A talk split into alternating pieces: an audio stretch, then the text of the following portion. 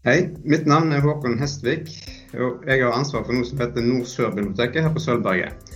Det betyr at jeg bl.a. svarer på spørsmål fra hele landet om hele verden. Men jeg må innrømme at jeg sliter litt når, kom, når det kommer spørsmål om Kaukasus og Sentral-Asia. Da svarer jeg gjerne litt i øst og vest.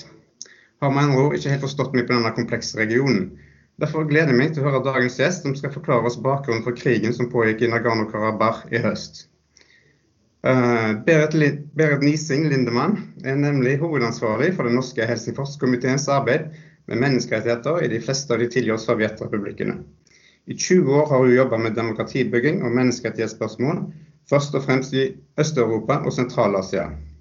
Så Berit, kanskje du kan ta litt forsiktig i starten med å gi oss et lite innblikk i kjernen til denne konflikten? Mm. Ja, takk. Eh, takk for invitasjonen for å komme hit og, og, og snakke om dette.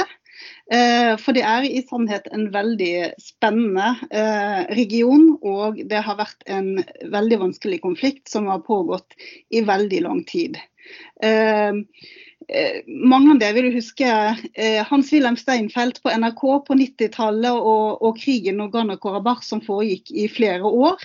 Eh, og denne konflikten som blusset opp i, i høst, er jo den, egentlig den samme konflikten. Og Striden står altså mellom statene Aserbajdsjan og Armenia om et territorium eh, som kalles Nagorno-Karabakh. Uh, og Den uh, har jo siden forrige krig da på 90-tallet utgjort uh, en selverklært uavhengig territorium som på armensk eh, ble kalt Artsakh. Men dette er jo da altså en konsekvens av at Armenia vant krigen på 90-tallet og overtok kontrollen over Nagorno-Karabakh. Og dette er et fjellrikt eh, område som geografisk befinner seg inne på aserbajdsjansk territorium. Og det er fruktbart, det har lang historie. Og, og Nagorno-Karabakh betyr faktisk uh, den sorte druehaven. Um, og området har vært bebodd av armenere og aserbajdsjanere uh, i århundrer. Side om side, uh, og fredelig for så vidt mer enn i konflikt. Vi skulle gjerne hatt et, et kart, eh, men hvis vi kan se for oss et område da i Sør-Kaukasus hvor vi har Armenia i nordvest, eh, Aserbajdsjan i øst eh, mot Kaspihavet, så ligger Nagorno-Karabakh i midten. Og I nord så har vi Russland og Georgia vest for det igjen.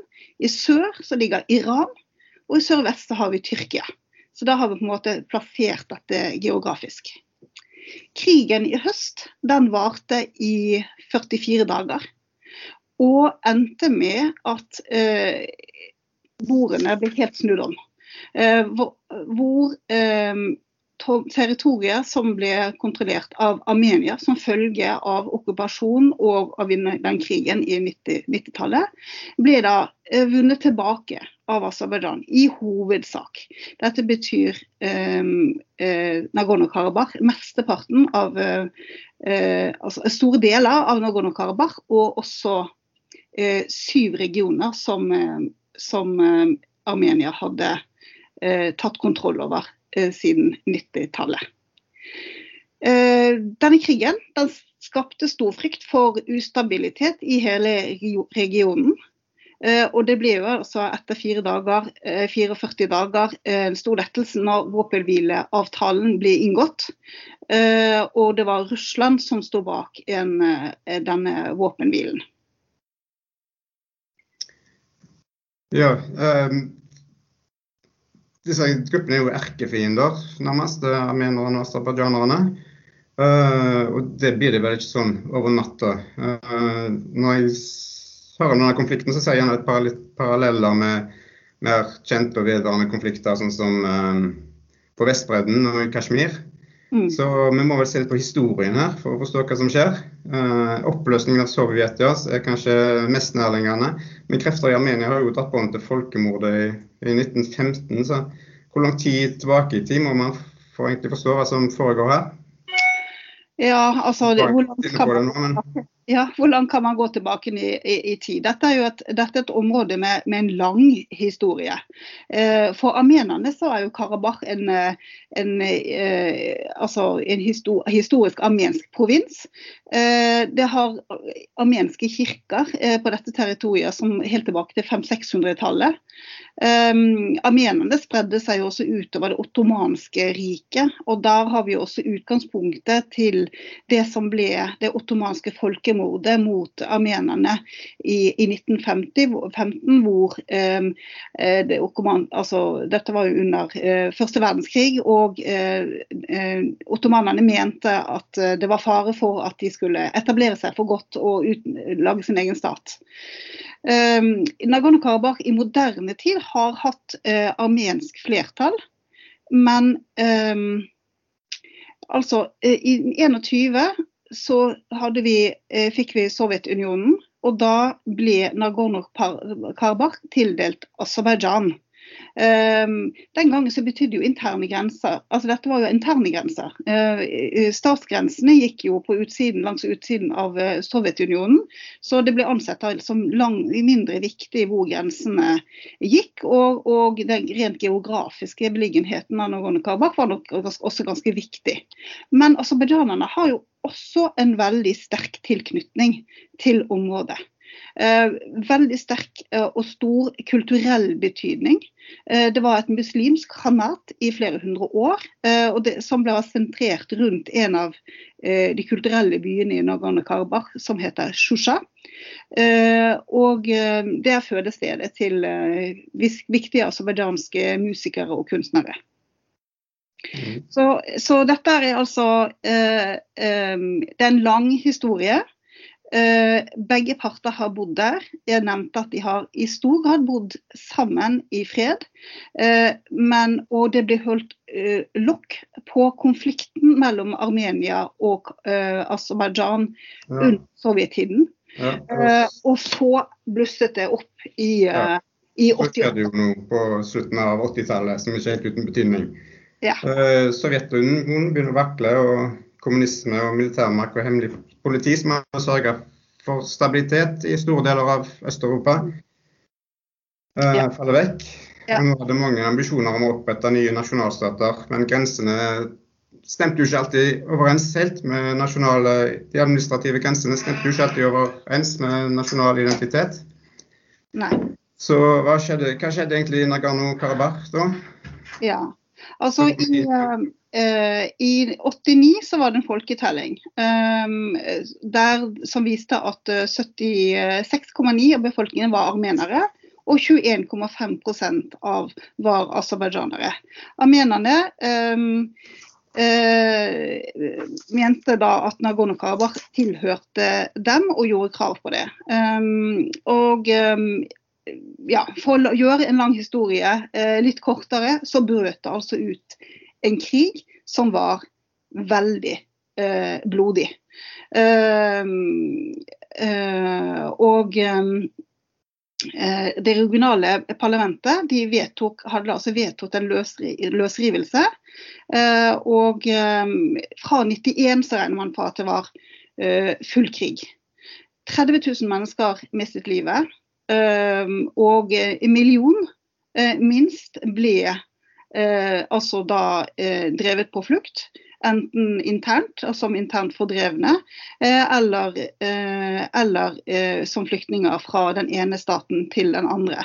Eh, det, det, klart største antallet her var det jo eh, aserbajdsjanerne som, som, opplevde. altså der det 800 000 av disse var aserbajdsjanere. Det var eh, flere veldig brutale hendelser under denne krigen. Eh, allerede i 88 eh, så eh, skjedde det som eh, armenerne har hatt ja, um, har vært veldig tungt for armenerne. Uh, det var altså i, rett i, utenfor hovedstaden i Aserbajdsjan, uh, i Baku. på den tidspunktet så bodde det jo mange armenere i Aserbajdsjan. og ja, det, offisielt 26 armenere ble myrdet, men det var nok langt flere. Uh, I 92, da er, vi allerede, da er vi inne i selve krigen uh, og inne i uh, selve Nagorno-Karabakh, da ble flyktende sivile aserbajdsjanere angrepet, og flere hundre ble myrdet. Dette heter Hojali. Eh, og så er det jo også det at eh, ingen av disse overgrepene har blitt etterforsket, det har aldri blitt gjort noe rettsoppgjør, ingen har blitt tatt til ansvar. Eh, og det har vært en veldig sterk politisk kampanje gjennom det hele.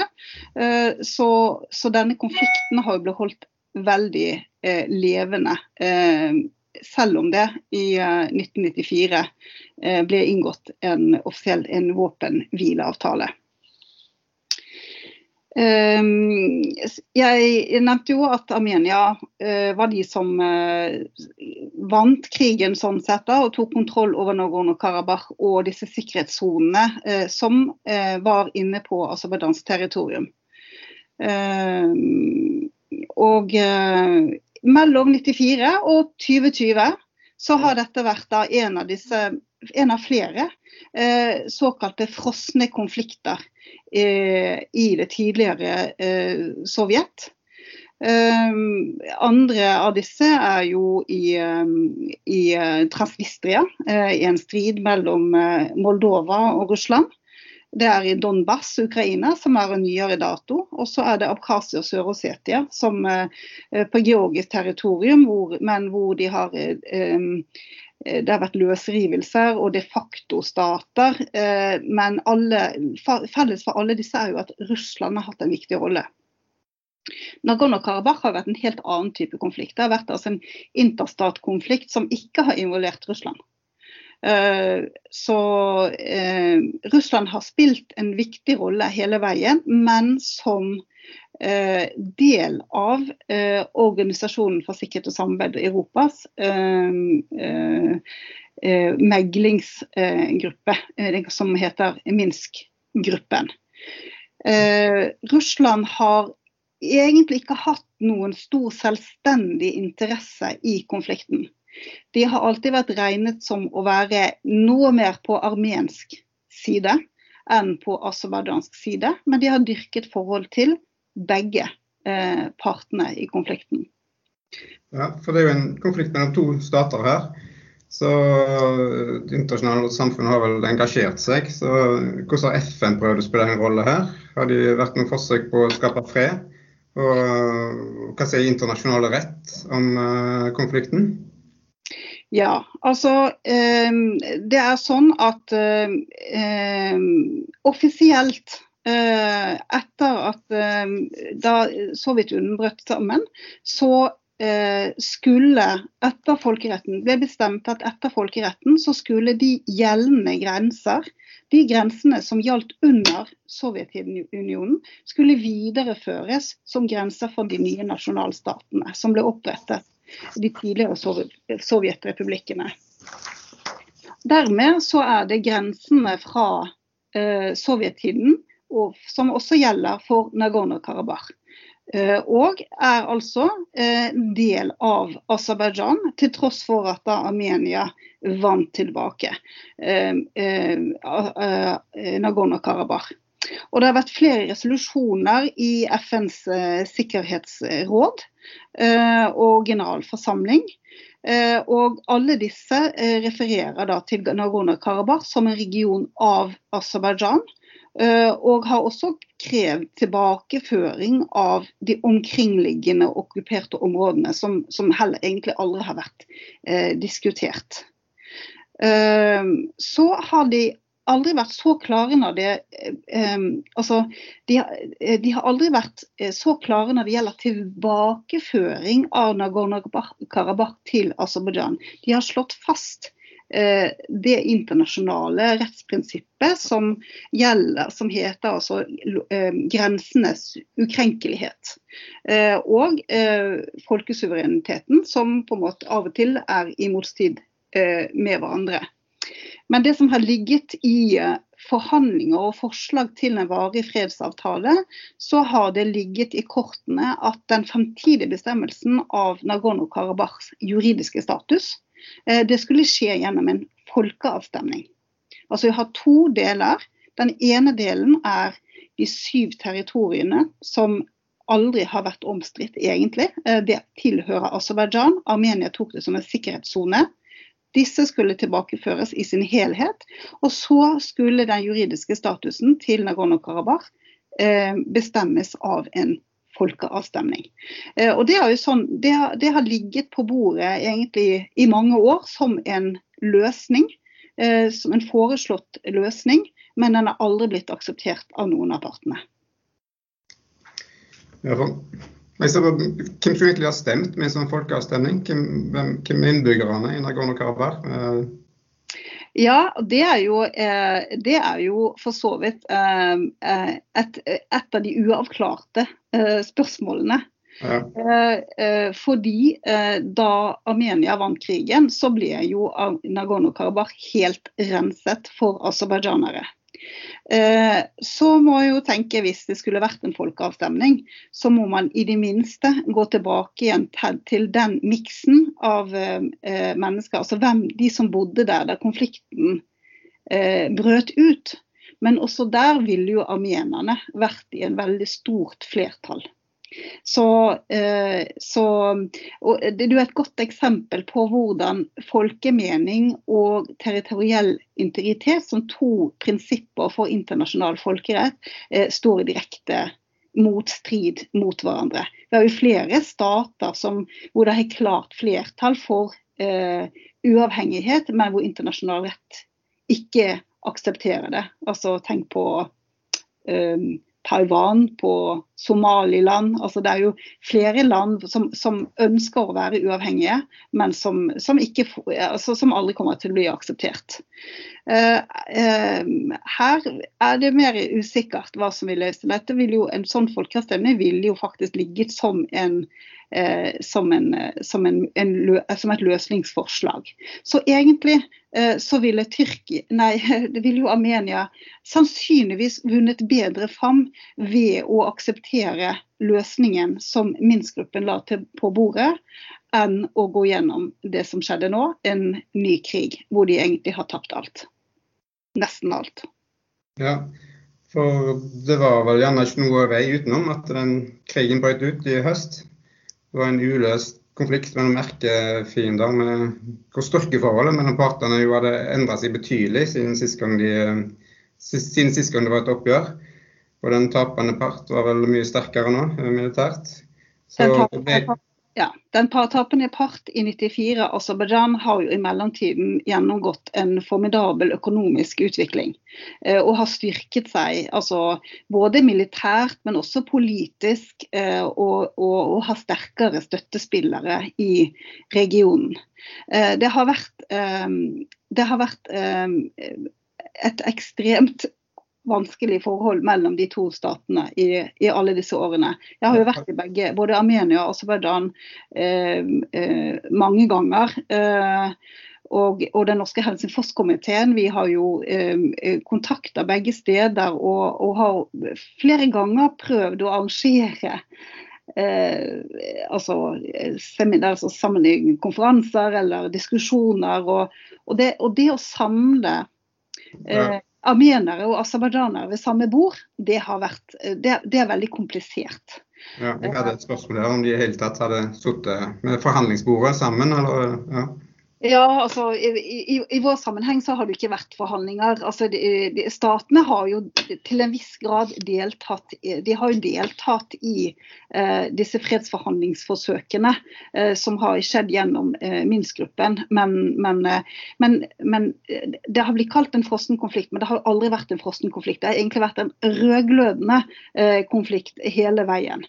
både mellom mellom folkene. Altså, eh, eh, barn har jo blitt eh, det, Flere generasjoner har jo nå blitt opplært i at eh, eh, nabo, nabostaten er en erkefiende. Uh, og, det, og, det, er veldig sterke følelser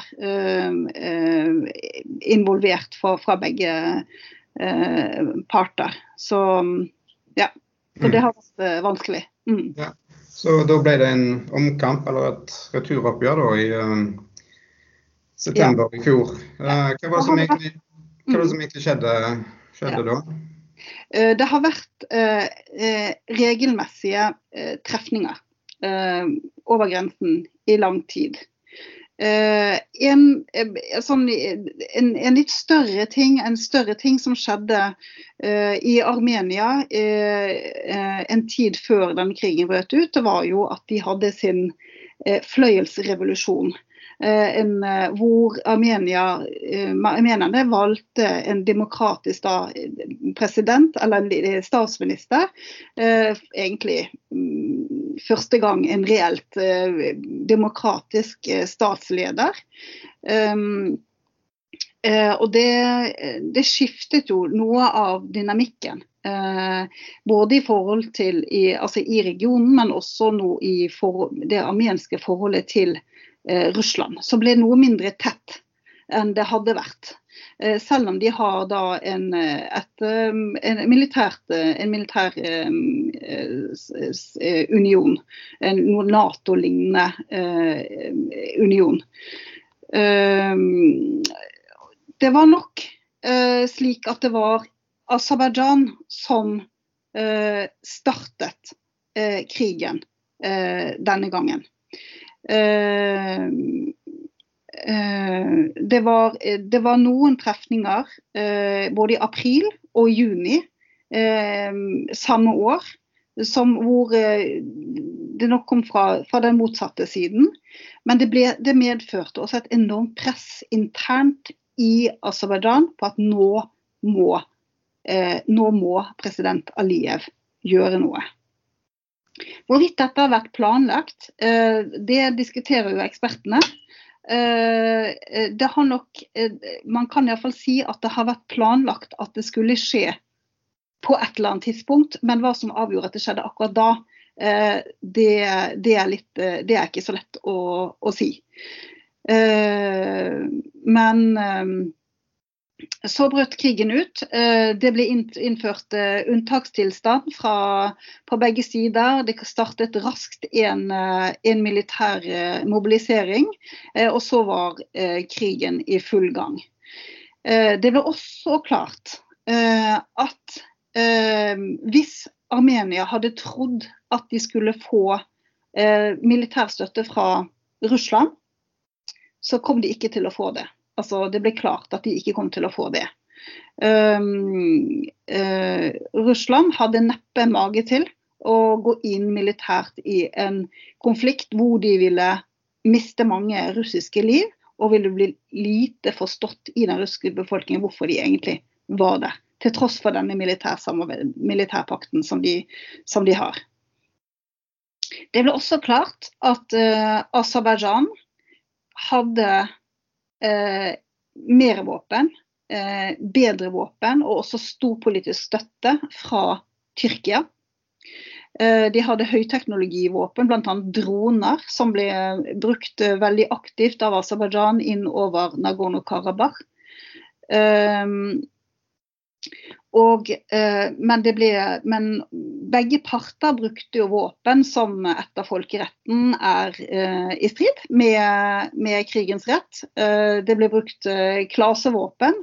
Riktignok det er en eh, klasevåpenkonvensjon som, som ikke som ikke eh, Armenia og Aserbajdsjan har skrevet under på, men det er i alle fall eh, et våpen som ikke er anerkjent av internasjonal rett som et, eh, som et eh, våpen man skal eh, bruke, og som også er forferdelig for dem som blir rammet av det. Og dette er blitt brukt over sivil befolkning. I Aserbajdsjan det har også Aserbajdsjan har også brukt klasevåpen mot Nagorno-Karabakh. Men eh, Aserbajdsjan klarte ganske raskt å begynne å ta territorium tilbake eh, fra eh, armensk okkupasjon. Eh, og endte med å ta eh, tilbake ca. en tredjedel av Nagorno-Karabakh eh, selv, og mesteparten av disse territoriene rundt. Uh, og det var på det tidspunktet at russerne kom med, med, meglingsforslag som ble akseptert av alle parter. Og det at de ble akseptert av uh, Armenia på et tidspunkt hvor de hadde mistet så mye territorium, var simpelthen et spørsmål om ikke å ha noe valg. Fordi eh, Aserbajdsjan tok byen Shusha Ehm, stor eh, symbolsk betydning, men også geografisk. For det ville også gi det en posisjon for å, å ta lavere, laverenliggende Stepanekerk som, eh, som hovedstaden i Nagorno-Karabakh. Og som også er den mest folkerike delen av, av Nagorno-Karabakh. Um, så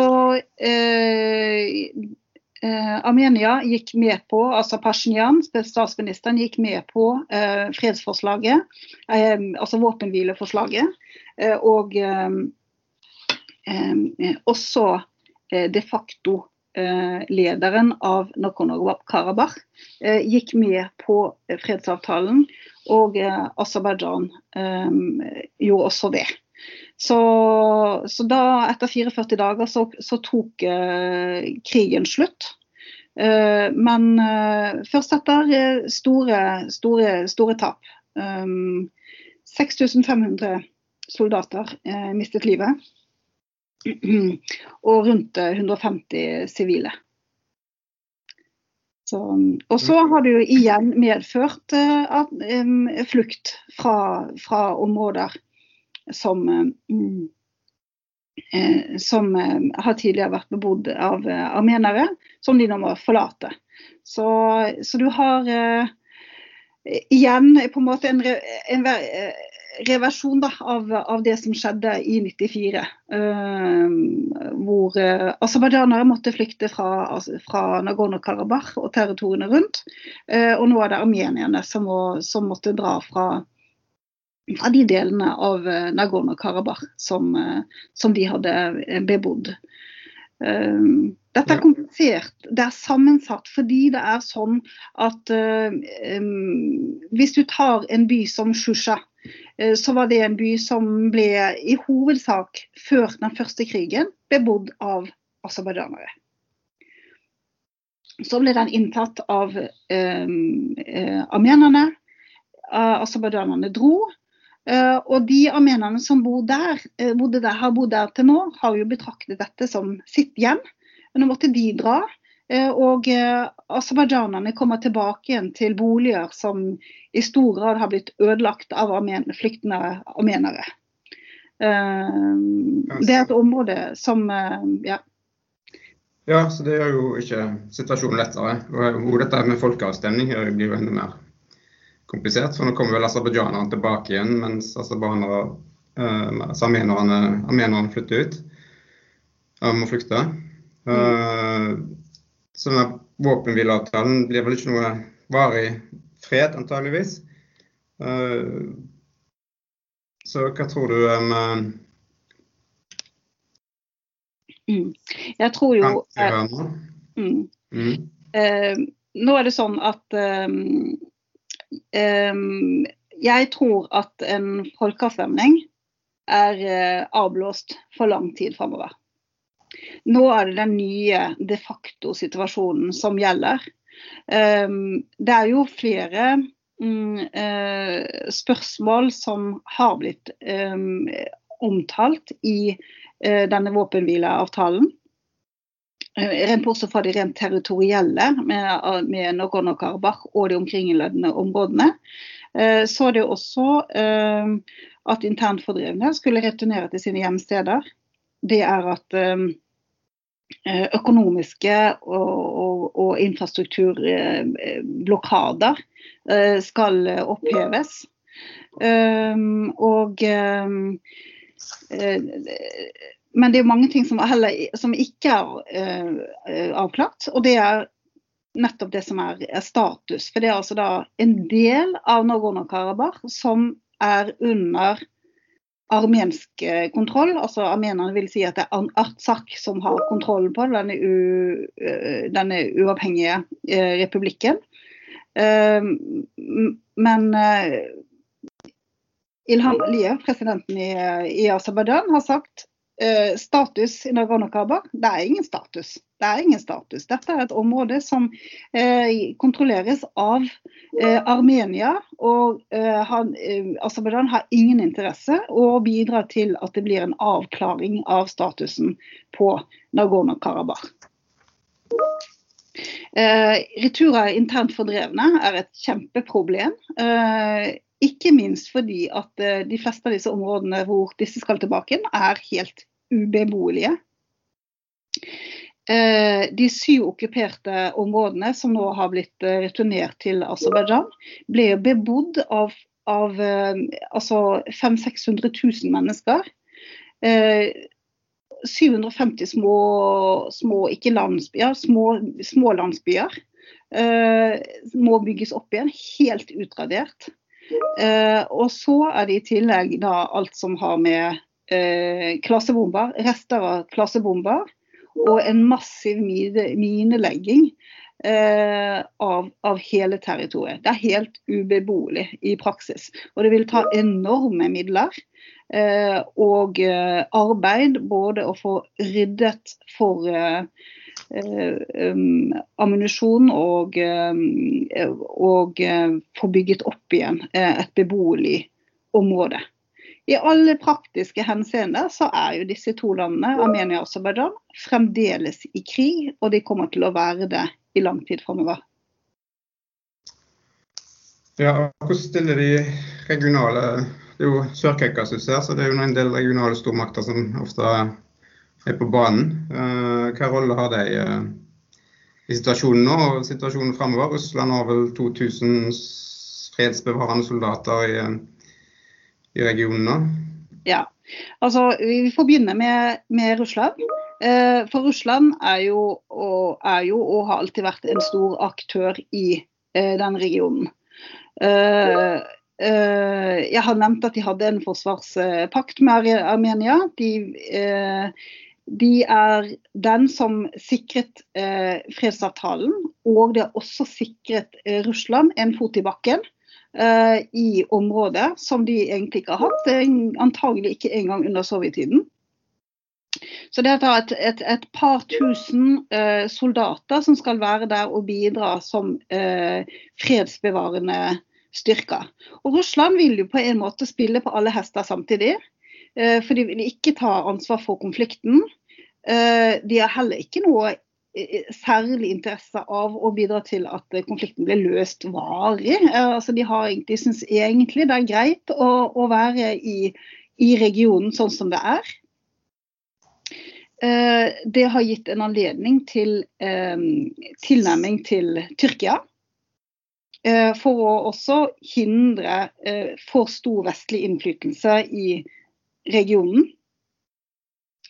Uh, samtidig som de vil være like mye uh, måte, på, ha et godt forhold til både Aserbajdsjan og Armenia. Tyrkia er jo en helt annen sak. Um, altså, Tyrkia var jo da for det første ikke del av eh, Sovjetunionen, så deres uh, innflytelse har jo helt andre referanser. Men de er jo da altså eh, tyrkisk. Eh, Aserbajdsjan er også et turkisk folk. De snakker samme språk, de er tett kulturelt. De har sterke historiske referanser. Og, og Tyrkia er, har altså er eh, på en måte da Aserbajdsjans eh, beste venn. Eh, ved uavhengigheten til Aserbajdsjan så var det jo flere av eh, de politiske lederne som begynte å, å, å, å tenke på et uh, storturkisk uh, rike. Uh, på, på, begynnelsen av 90-tallet så, så, møtte jeg fremdeles ganske mange politikere som hadde denne drømmen sterkt i seg. Eh, og, og, og, og, Tyrkia ga jo eh, sterk både politisk og militær støtte til eh, Aserbajdsjan. Eh, og eh, har gitt eh, Tyrkia en, et, en, mulighet til å ut, utvide sin innflytelsessfære i, i denne retningen. Du husker kanskje hvordan Russland og Tyrkia hadde tett samarbeid i Syria og hadde, hadde ganske sånne delte eh, funksjoner. Nå er eh, styrkeforholdet mellom de to eh, nok helt annerledes, men, men likevel så har eh, Tyrkia blitt invitert til å, å, delta i de fredsbevarende styrker som, som en, mer som en observatør i et, i et sånt overvåkingssenter i Nagorno-Karabakh. Ja, og Iran er eh, også en aktør. Er også en aktør, er ikke så aktivt uh, inne. Uh, mer tradisjonelt en støttespiller av Armenia, men er ikke helt fri til å gjøre det. For det er jo også, det er kanskje ikke alle som vet, men altså en av de, altså de, de største minoritetene i Iran er jo nettopp aserbajdsjanere. Uh, sånn at, uh, og, og, den delen av befolkningen vil jo støtte Aserbajdsjan i en konflikt. Um, og Iran har nok også vært eh, bekymret over at også Israel eh, stilte opp med, med, med støtte med, i form av våpen, eh, riktignok gjennom salg til Aserbajdsjan, men vil nok ikke se for mye israelske interesser i, i regionen. Men det er en, eh, det er en eh, stor, eh, suppe av, av, viktige maktspillere i, i, denne regionen, som alle på sitt vis har vært involvert i konflikten i, over Nagorno-Karabakh. Eller hatt en interesse av å engasjere seg på forskjellig vis. da. Ja, for Iran ønsker vel kanskje ikke en altfor sterk aserbajdsjansk stat.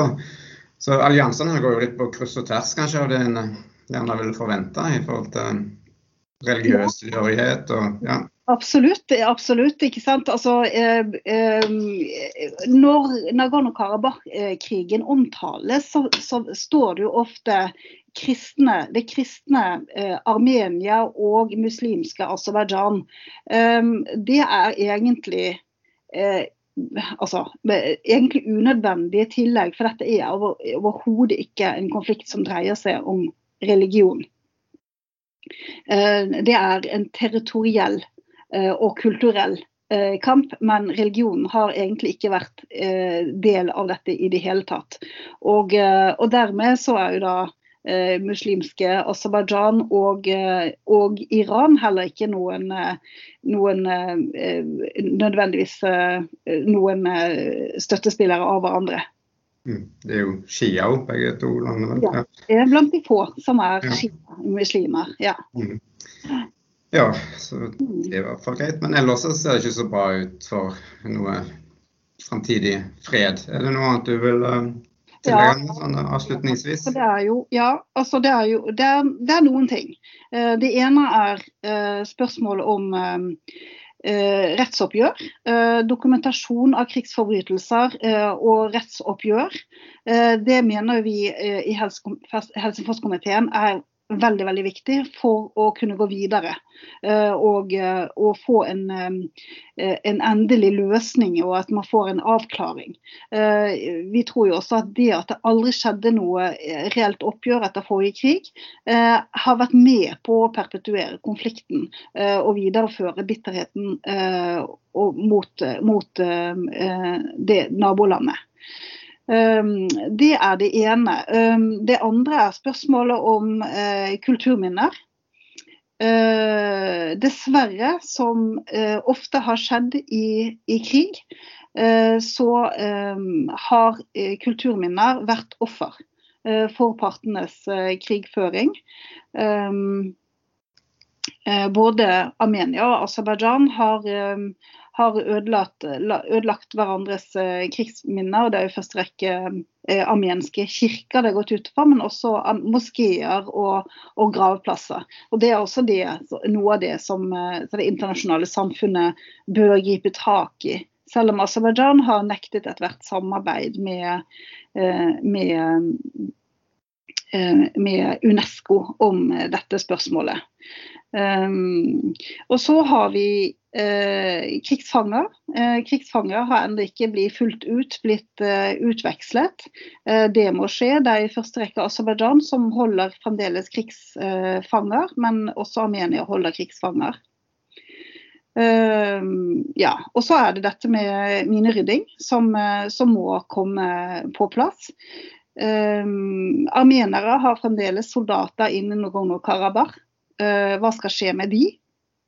Ja, Det er eh, en uendelig mengde av spørsmål som, kan, som bør løses.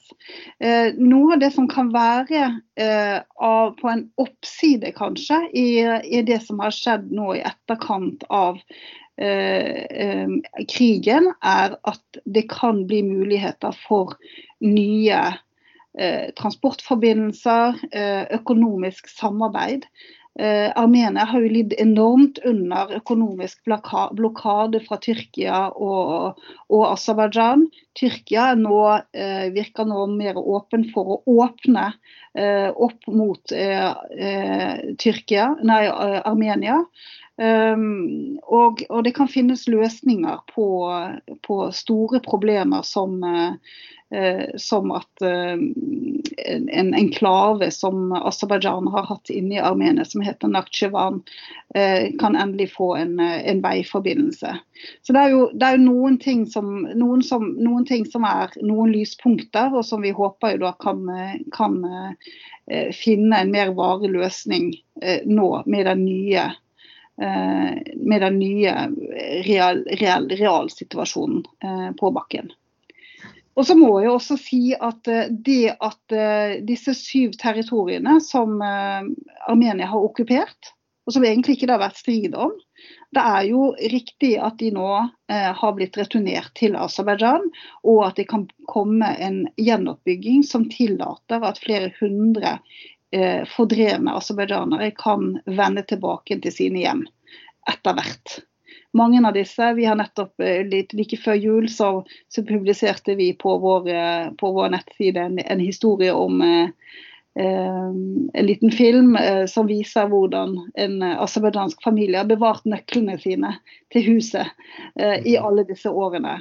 det er klart at det er, det er følelsesladet og, og, og, viktig for disse å kunne komme tilbake til sine, til sine landsbyer og hjem.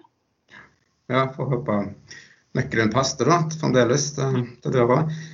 Uh, så tusen takk, Berit Nising Lindemann, uh, for denne innføringen i uh, konflikten i Nagorno-Karabakh. Nå er i hvert fall jeg mer klar for å motta spørsmål på Nord-Sør biblioteks vegne om denne regionen. Så takk skal du ha.